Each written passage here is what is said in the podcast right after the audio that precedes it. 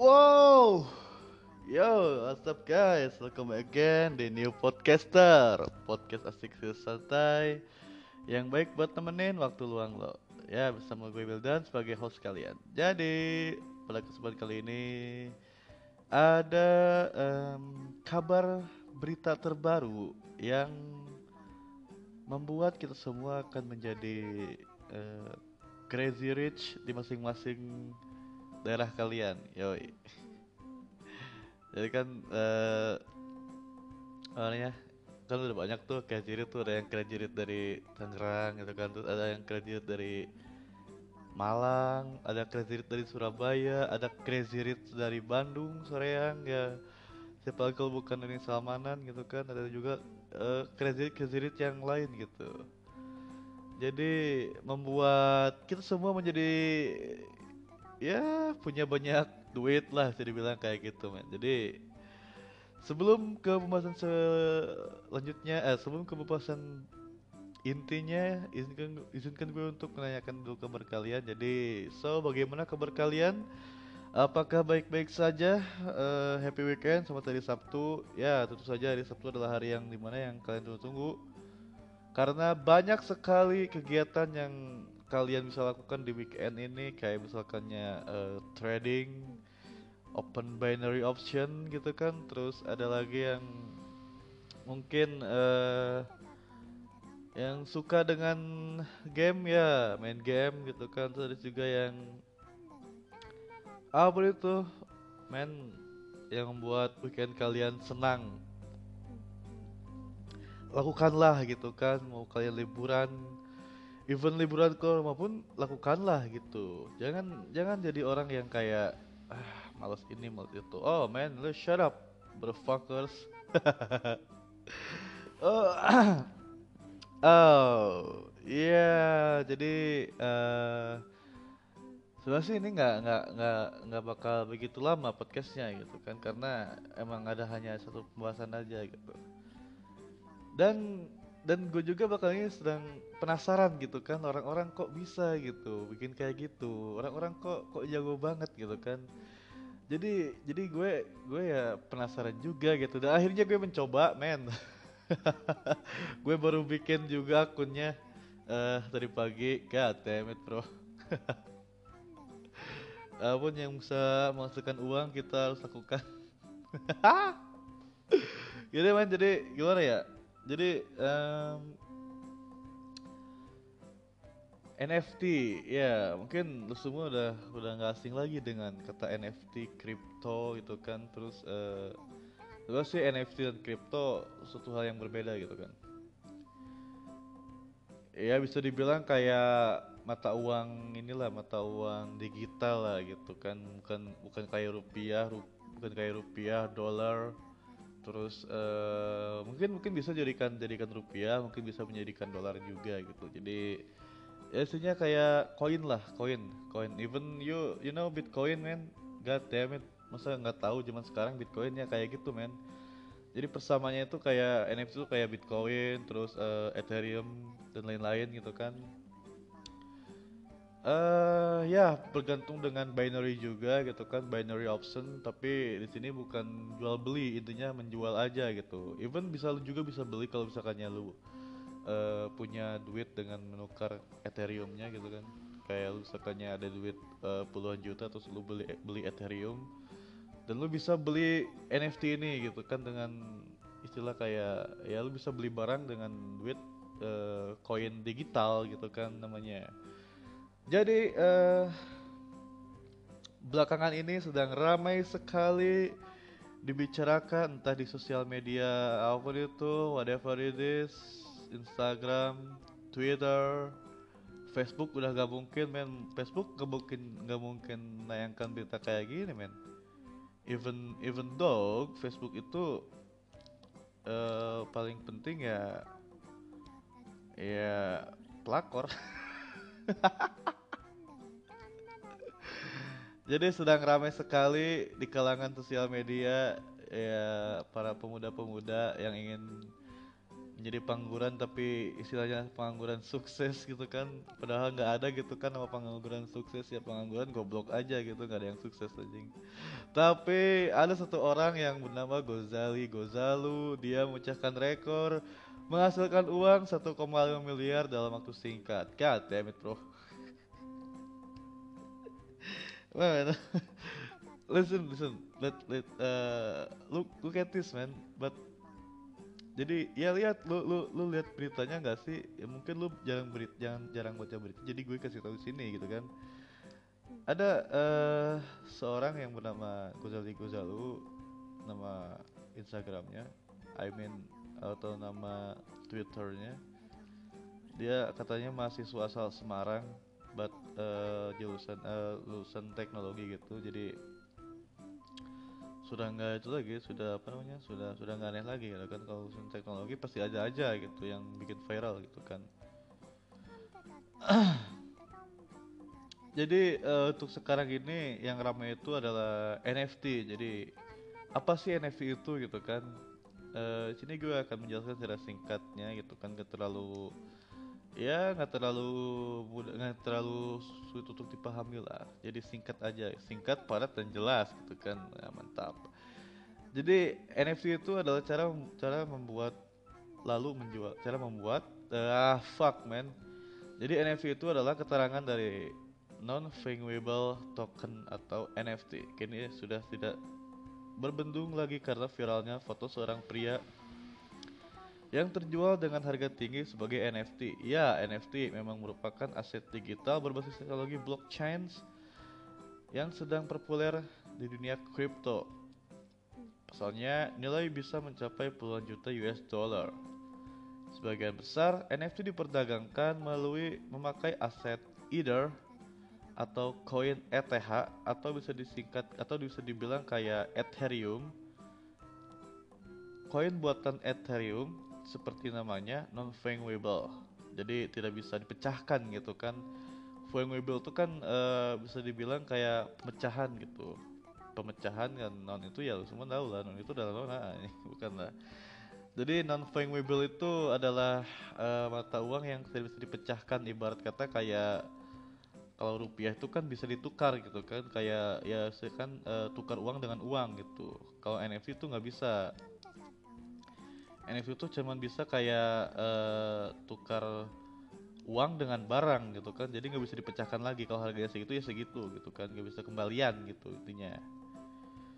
Merupakan aset digital yang mewakili barang berharga dengan nilai yang tidak bisa ditukar dengan atau digantikan. Nah is that true man? True Tiap NFT mengandung catatan transaksi dalam blockchain yang berisi data penciptanya, harga, serta histori kepemilikannya. Oh ya, jadi uh, mungkin yang yang sudah mempunyai akun Trust atau e-wallet atau misalkan akun dari uh, MetaMask gitu kan, MetaMask gitu kan ya, lu semua paham lah gitu. Jadi kalau misalkannya lu semua mempunyai barang yang sangat berharga gitu kan yang istilahnya yang uh, mungkin kalau berharga itu tidak bisa dijual gitu kan. Istilahnya kayak ya ada kenangan tersendiri tapi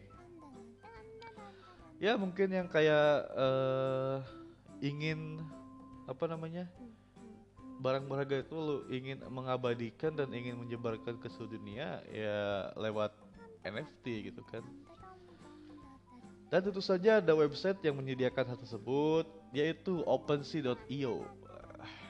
Mungkin uh, banyak yang belum mengetahui kayak lu bisa ngejual barang lu yang menurut lu itu keren atau menurut lu itu hanya ada satu-satunya di dunia gitu kan kayak lu bisa bikin apa namanya uh, sepatu atau sendal sendal swallow gitu kan di pixel art gitu. Aneh banget anjing bikin sendal swallow di pixel art gitu kan. Kayak gitu man mungkin lu bisa bikin kayak uh, karakter di Minecraft. Karakter lu biar kayak di Minecraft gitu kan biar keren. Biar terlihat pangwibel gitu biar terlihat tidak bisa ditukarkan gitu kan. Jadi ya lu bisa di lu bisa update di nih OpenSea gitu kan OpenSea.io NFT itu. Terus uh, ada beberapa ada beberapa perbedaan antara NFT dan aset kripto. Kayak misalkannya berangkat dari cryptocurrency NFT punya bentuk tujuan dan penggunaan yang berbeda daripada aset kripto lain, misalnya Bitcoin, pasalnya tiap-tiap NFT hanya dapat sekali dan tidak bisa ditukarkan atau diperdagangkan dengan barang lain. Sebab nilainya tidak dianggap tidak sepadan. Ya mungkin kayak it's a rare man, langka gitu men, langka-langka. Jadi kalau misalkan lu punya uh, eh, NFT yang bisa lu update atau bisa lu upload kok update sih? Bisa lu upload gitu kan di sosial media mungkin ada banyak orang yang menginginkan kayak uh, gua gua mau barang itu men gitu kan. Gua mau barang itu dan, dan gua mau beli gitu kan. Tapi orang yang punya NFC itu berhak untuk menolak apa yang mereka mau gitu kan. Apa yang mereka akan belinya gitu. Kayak misalkannya uh, lu punya NFT keren terus ada orang yang mau membelinya dan lu bisa nolak gitu kan. Nggak bisa nggak boleh gitu kan. Karena ini udah ada hak kepemilikannya gitu kan alias kayak uh, kalau tanah itu ada memiliki SH SHM apa sih? Kalau misalkan ya lu beli tanah itu kan tanah kosong atau misalkan tanah sengketa tanah warisan tanah sengketa anjing. Itu tanah itu haram haram banget anjing gak tuh ya mungkin kayak gitulah istilahnya kayak misalkan lu beli tanah gitu kan mungkin ada surat atau sertifikatnya gitu sertifikat hak miliknya gitu atau uh, eh, SHM nah kayak gitu juga NFT juga. Memiliki sertifikat tersendiri gitu kan. Jadi bisa dianggap tidak sepadan gitu kan kayak meskipun orang menawar miliaran uh, miliaran rupiah juga ya mungkin boleh lah gitu kalau miliaran. Ya mungkin misalnya kayak puluhan juta atau ratusan juta mungkin lu bisa nolak juga gitu kan. Karena ya ini adalah aset gue gitu kan aset berharga gue gitu kan mungkin suatu saat nanti uh, lima tahun ke depan gitu kan pasti ada lagi gitu kan uh, apa namanya website website NFT lainnya gitu kan yang mungkin bakal lebih cuan daripada tahun sekarang gitu kayak gitu kan jadi ya uh, NFT memiliki data unik seperti sidik jari yang bekerja untuk memudahkan verifikasi miliknya.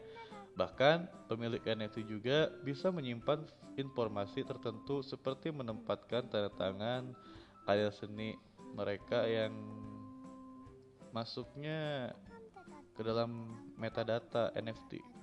Sangat terbatas, kepemilikan NFT juga bersifat mutlak. Pemiliknya adalah satu-satunya yang satu-satunya pihak yang memiliki karya orsinil NFT meskipun ia punya hak cipta untuk memperbanyak karyanya. Pada dasarnya, pemilik NFT memiliki hak memiliki hak e, memiliki hak milik penuh. Tidak cuma itu, NFT juga bisa dibagi menjadi dominasi dominasi yang lebih kecil seperti YETH atau Satoshi BTC atau Satoshi Bitcoin. Pasalnya eh, mereka ada sebagai suatu keseluruhan secara eksklusif.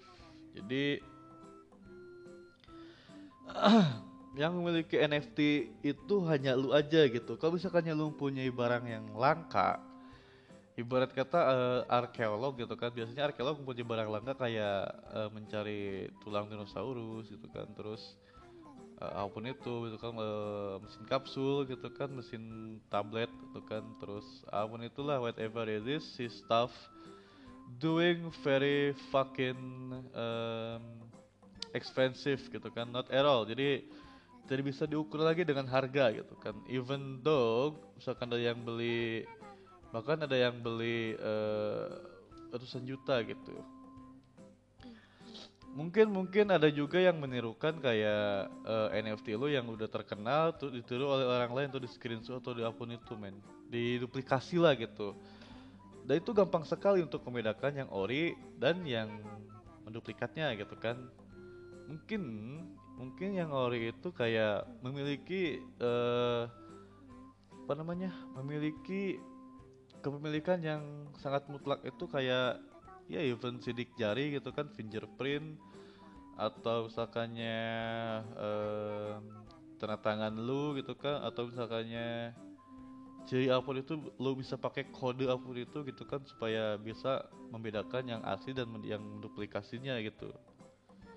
Nah, alasan yang memudaknya kenapa NFT itu sangat populer, sangat populer, anjing populer, sangat populer.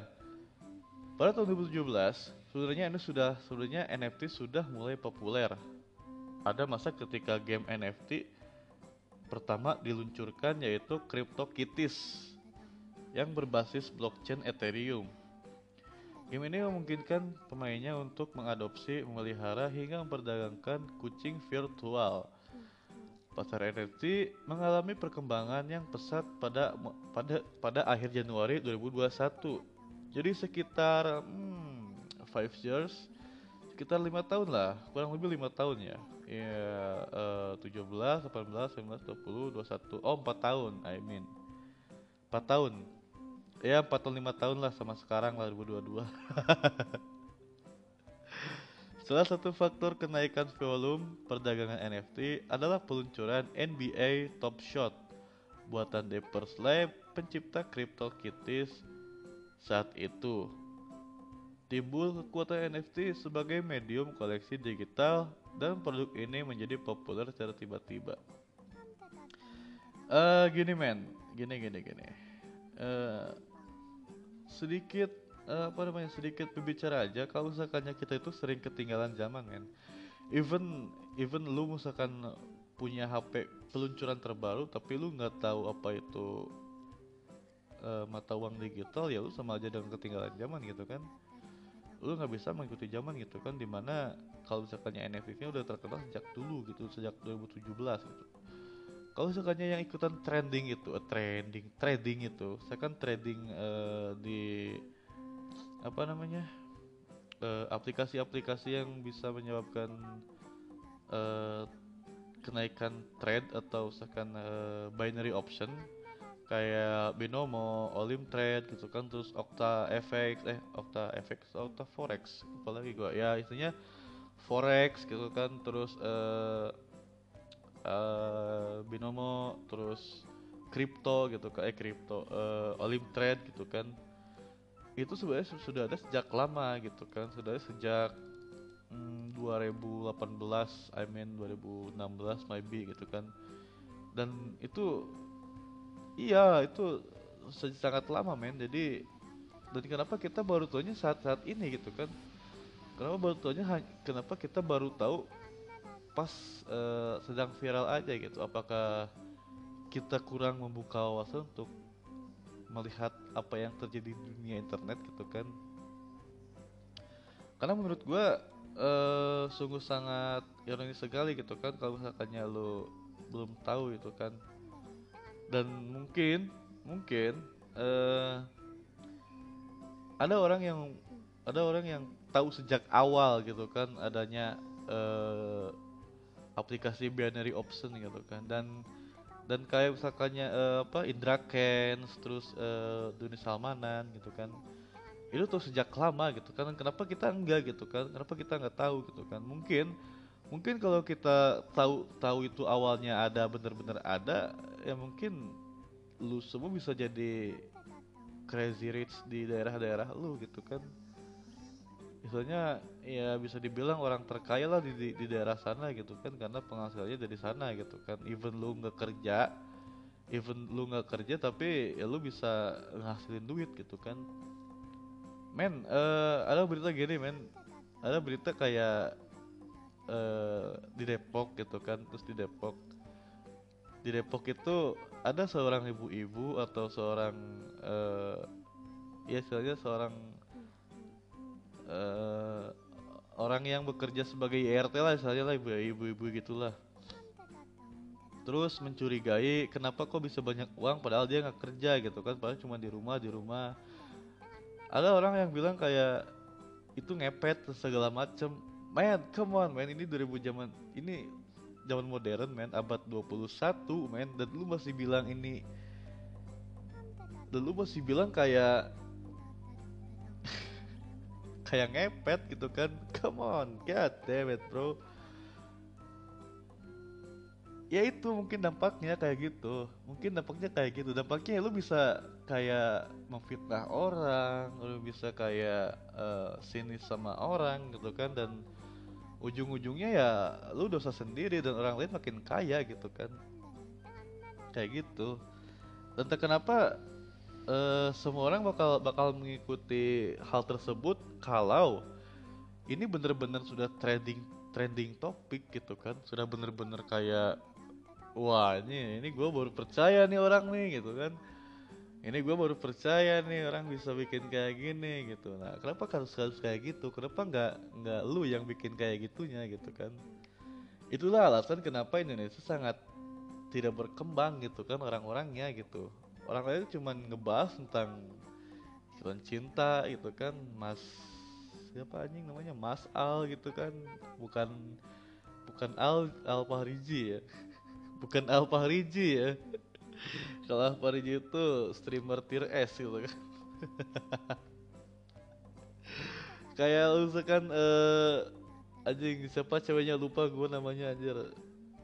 Ah gue lupa gue namanya itu yang ikatan cinta. Pokoknya dan kenapa lu semua lebih milih buat mengikuti trendingnya BTS dan ARMY segala macem gitu kan dibanding lu semua membiarkan kayak orang lain tahu ada aplikasi penghasil uang yang sangat banyak gitu kan dan dan lu bisa bikin lu lu dan lu bisa bikin lu berenang di ini berenang di kuasam yang pak si anjing gak jelas. Kayak gitu ya jadi eh, come on man lah ayolah come on dan sekarang ya termasuk gue juga sih. Iya gue juga sama. Gue gue approve banget gitu kan. Gue mengakui banget kalau gue baru tahu gitu kan. Gue baru tahu trading itu sekitar 2009 eh 2020 iya 2020 gue ngikutin setahun dan hasilnya ya lumayan lah. Bisa kebeli motor sport lah. Lumayan lah hasilnya. Ya masih kecil lah masih sekitaran kurang lebih uh, eh, 1800 dolar. Lah selama setahun dan gue itu ngabisin duit berapa anjing? Gue ngabisin duit itu banyak banget men. Ada ilmunya itu semua ada ilmunya gitu. Lu lu lu nggak bisa kayak lu nggak bisa kayak milih antara naik atau turun men. Ada ilmunya ada ada hitungannya hitungannya gitu dan sekarang sudah banyak uh, grup-grup yang menyediakan hal tersebut gitu kan. Misalnya Telegram atau grup uh, lain gitu kan. Lain uh, Olim Trade Indonesian gitu kan. Kenapa lu nggak ikutan gitu? Ya seenggaknya ya seenggaknya lu lu semua paham lah tentang tentang kemajuan teknologi yang ada di dunia gitu kan. Yang ada di dunia bukan hanya di Indonesia. Kalau di Indonesia teknologi cuma HP PC gaming laptop gitu kan. Uh, terus motor itu pun bukan teknologi itu otomotif itu kan. Dan baru-baru hari ini ada seorang yang ya uh, kok, kok ulang lagi gitu kan. Ada ada namanya itu Gozali Gozali Gozalu itu dia apa men dia tuh uh,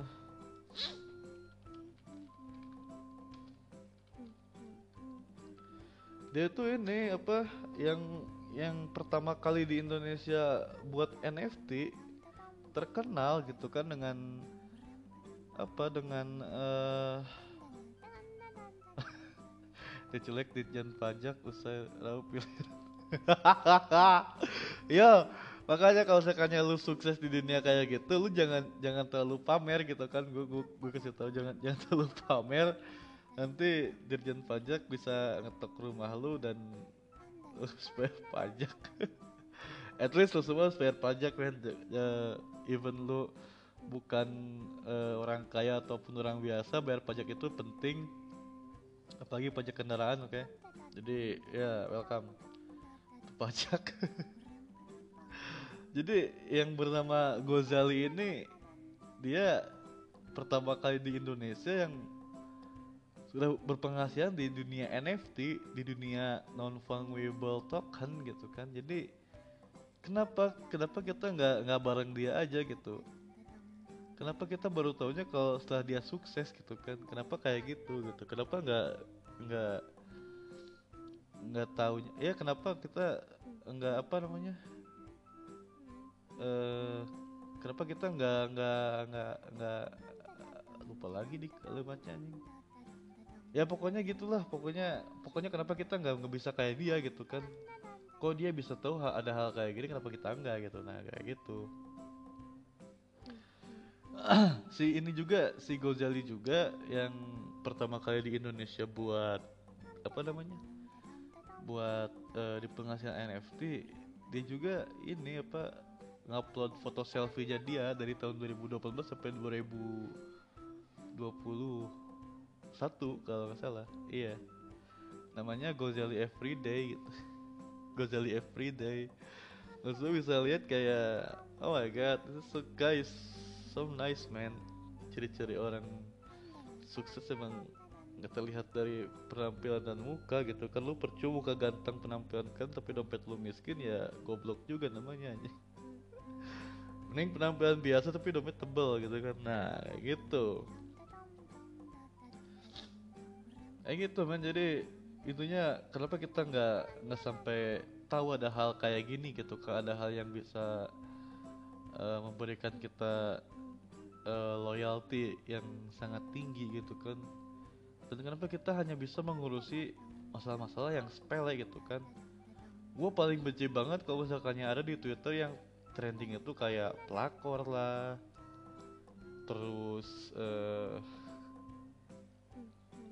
yang trending itu ya kebanyakan di Twitter ini anjing apa namanya Peko banyak gue gue nggak tahu lagi di Indonesia kalau kenapa dah. Ya nggak nggak munafik juga gitu kan. Ya emang gue juga eh, apa gue juga suka dengan hal kayak gitu tapi tapi nggak harus trending di Twitter juga dong kayak gitu. Jadi ya itunya lu semua paham lah gitu kan apa yang harus lu kerjakan dan masa iya lu semua eh, hidup dunia ini hanya kerja gitu kan kerja jadi seorang pega- pegawai karyawan dan nggak ada kemajuan sama sekali gitu kan. Ya mungkin suatu saat nanti lu bisa jadi bos gitu kan atau pemilik apa gitu kan eh gabung narkoba. Jangan jangan emang emang emang sih kalau misalkan penghasilan lebih gede dari dari narkoba tapi jangan jangan. Eh gue bilangin sama para pendengar gua jangan sampai lu masuk ke sana gitu kan. Karena kalau masuk ke sana itu eh, risikonya gede banget gitu kan selagi lu bisa masuk bui dan lu kan diterima di alam dunia apalagi di alam akhirat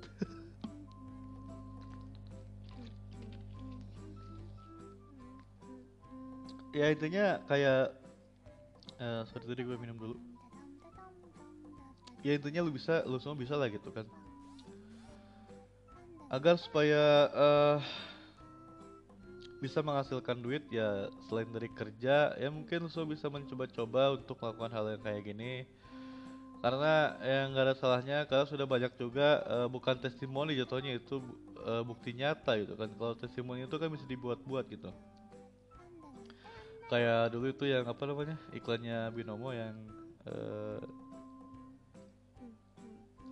yang siapa namanya si Bayu itu.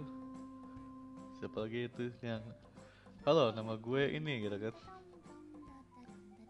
Yang apa namanya dia pakai jas terus dibalik katanya terus eh, rambutnya tuh mau dilempar gitu ke sebelah kanan eh ke sebelah kiri. Gitu.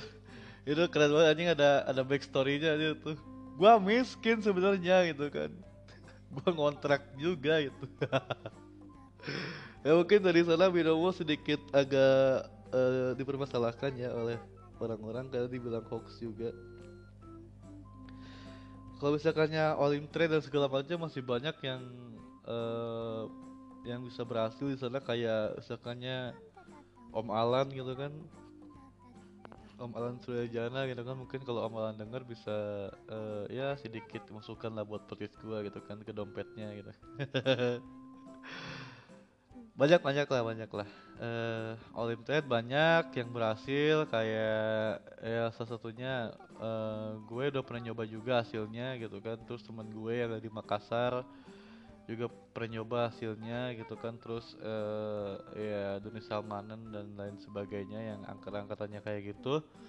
Banyak juga yang berhasil di dunia uh, trading gitu kan. Ya mungkin lu semua bisa lah kayak mempelajari. Jangan terlalu maksakan tapi sedikit-sedikit pasti bisa lah. Kayak gitu menjadi sedikit-sedikit lama-lama menjadi nggak ada. Jadi nggak ada ya gitu aja itu aja lah. Uh, men pokoknya NFT lu semua bisa lah mempelajarinya lah gitu kan biar uh, hidup lu misalnya lu lu diam di rumah pun ada kerjaan gitu kan buat ngedit gambar gitu buat di upload dan dijual ke OpenSea gitu kan NFT gitu. Masa ya harus gue taruh linknya di deskripsi podcast aja nggak mungkin juga aja. Bukan bukannya apa apa men bukan sponsor gue kayak gitu jadi ya intinya mantap lah gitu buat lu semua yang sudah mau mencoba ke dunia hal dompet digital atau e-wallet gitu kan elektronik dompet atau elektronik wallet. Jadi ya apakah ini bisa dijadikan duit ke rupiah? Of course bisa men.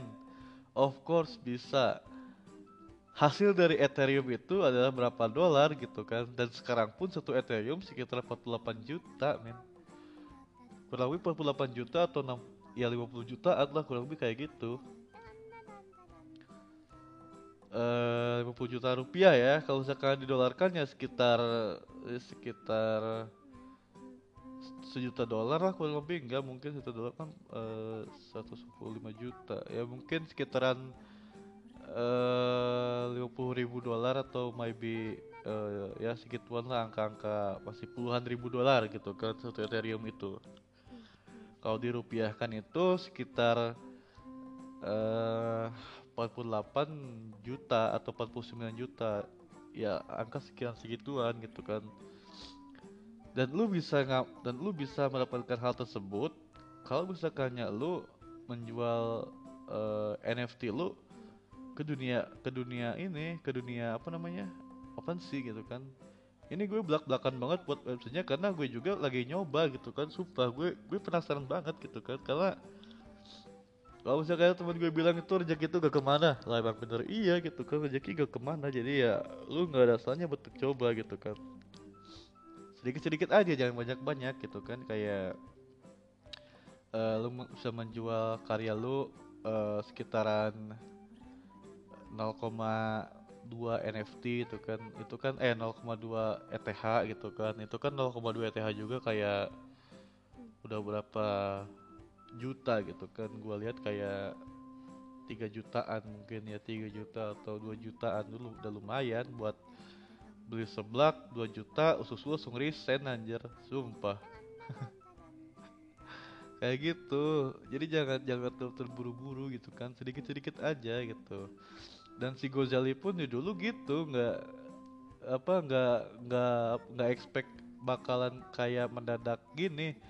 Uh, eh, gue kalau misalkan aja bilang kaya itu terlalu apa ya ya terlalu terlalu inilah terlalu mengultimate lah. Gue bilangnya kayak dia itu nggak seberuntung ini gitu kan. Dia nggak expect kayak foto gini doang gitu kan. Misal aku banyak gitu nah, kayak gitu. Jadi ya rezeki mah gak ke mana men. Istilahnya lu kalau misalkan udah berusaha pun even lu nggak dapet apa juga ya lu dapet pelajarannya gitu kan.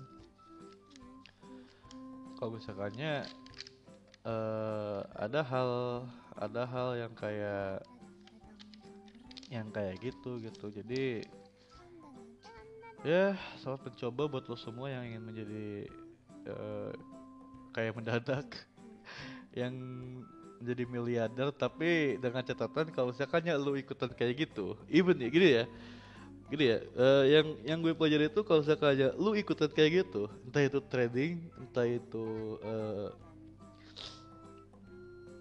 lu misalkan main main bitcoin entah itu lu misalkan main NFT entah itu lu misalkan main binary option apa pun itu lu jangan jangan berekspek eh jangan ya jangan berekspek kayak lu bakal berhasil di dunia itu ya di dunia itu gitu. Itu salah besar menurut gue karena ya lu lu bisa gini lah. Lu kayak mencoba kalau misalkan lu berhasil itu bonus buat lu gitu kan. Kenapa lu misalkan mencoba kayak gitu? Karena uh, pertama ilmunya bakal kepake menurut gua. Ilmunya bakal kepake karena orang-orang akan lebih berpindah berpindah apa ya berpindah tempat dari kerjaannya mereka ke ke sini gitu ke ini ke apa namanya ya ke uang digital ini gitu kan bakal mendalami hal tersebut gitu. Yang kedua itu gak main-main penghasilannya. Lu misalkan dapat atau lu misalkan jackpotnya itu ya miliaran lu bisa dapat gitu kan. Kan kalau NFT ini kan uh, istilahnya gratis tanpa apa namanya tanpa deposit gitu. Ya mungkin kalau misalkannya binary option kayak Olim Trade dan sebagainya itu ada depositnya gitu kan. Kita beli dulu uh, apa namanya uangnya terus diputar lagi gitu kan mengikuti pasar trademark yang uh, bisa dibilang pasar internasional lah gitu. Kayak USD per WA gitu kan. Terus ada USD GPS gitu kan ada USD GPD gitu kan kayak gitu. Ya mungkin ada pasar internasionalnya gitu kalau binary option. Tapi kalau NFT itu cuman lu bikin karya terus lu upload di uh, websitenya OpenSea gitu kan. OpenSea.io itu ya misalkan lu, ja, lu misalkan dapat jackpot ya atau terjual karya lu satu ETH pun ya lu udah bisa kayak uh, lu udah siap dengan penghasilannya gede gitu kan. Satu ETH pun kan sekitar 48 juta jadi ya satu ETH gitu satu ETH kayak lu misalkan main Bitcoin dulu itu kan Bitcoin kayak memutar memutar memutar duit gitu kan. Istilahnya ya sama juga gitu. Tapi satu Bitcoin itu harganya 600 juta kurang lebih. Kayak gitu. Satu Bitcoin 600 juta. Dan untuk mendapatkan angka satu itu pun susah gitu kan susah gitu. Buat untuk mendapatkan harga satu itu pun susah gitu men. Jadi ya pelajari dulu ilmunya sebelum kau mencoba. Tapi ya gue nggak maksa buat lu harus mencoba gitu kan. Seenggaknya ada perubahan dalam diri lu yang bisa membuat orang sekitar lu itu bangga gitu kan. Anjing gila. Mahal banget tuh kata-kata men Istilahnya gitu men. Ada ada ada sesuatu hal yang uh, berharga dalam diri lo tapi membuat orang sekitar lo itu kayak merasa bangga gitu kan kayak wah anjir keren banget nanti gua coba lah. Nah, kayak gitu kalau misalkan teman-teman lo. Mungkin kalau misalkan orang tua lu itu kaget gitu kan tiba-tiba lu buat duit dengan miliaran gitu tuh gimana dia aja di rumah lu ngepet atau gimana anjing gitu Kayak gitu men jadi ya buatlah orang sekitar lu merasa bangga dan buatlah orang sekitar lu merasa senang. Berada di inner circle lu. Jadi uh, thank you so for listening my podcast. Uh, we will back again hari Senin. Kita akan kembali lagi hari Senin dan selamat weekend. Uh, oh ya kemarin ada berita katanya gempa di daerah Jabodetabek. Gua tahu dari Sirai gua tuh dari Sirai, Sirai lagi streaming tiba-tiba gempa anjing kaget itu sumpah. ya stay safe buat yang di Jabodetabek katanya gempanya cukup tinggi sekitar 6,7 skala Richter. Ya stay safe lah, stay safe. Stay safe, terus uh, jaga kesehatan juga, ikuti terus protokol kesehatannya. Eh, uh, kalau misalkan lo mau main keluar atau liburan keluar, please buat pakai masker dan jaga ya protokol kesehatan, social distancing segala macam dan thank you so much for listening.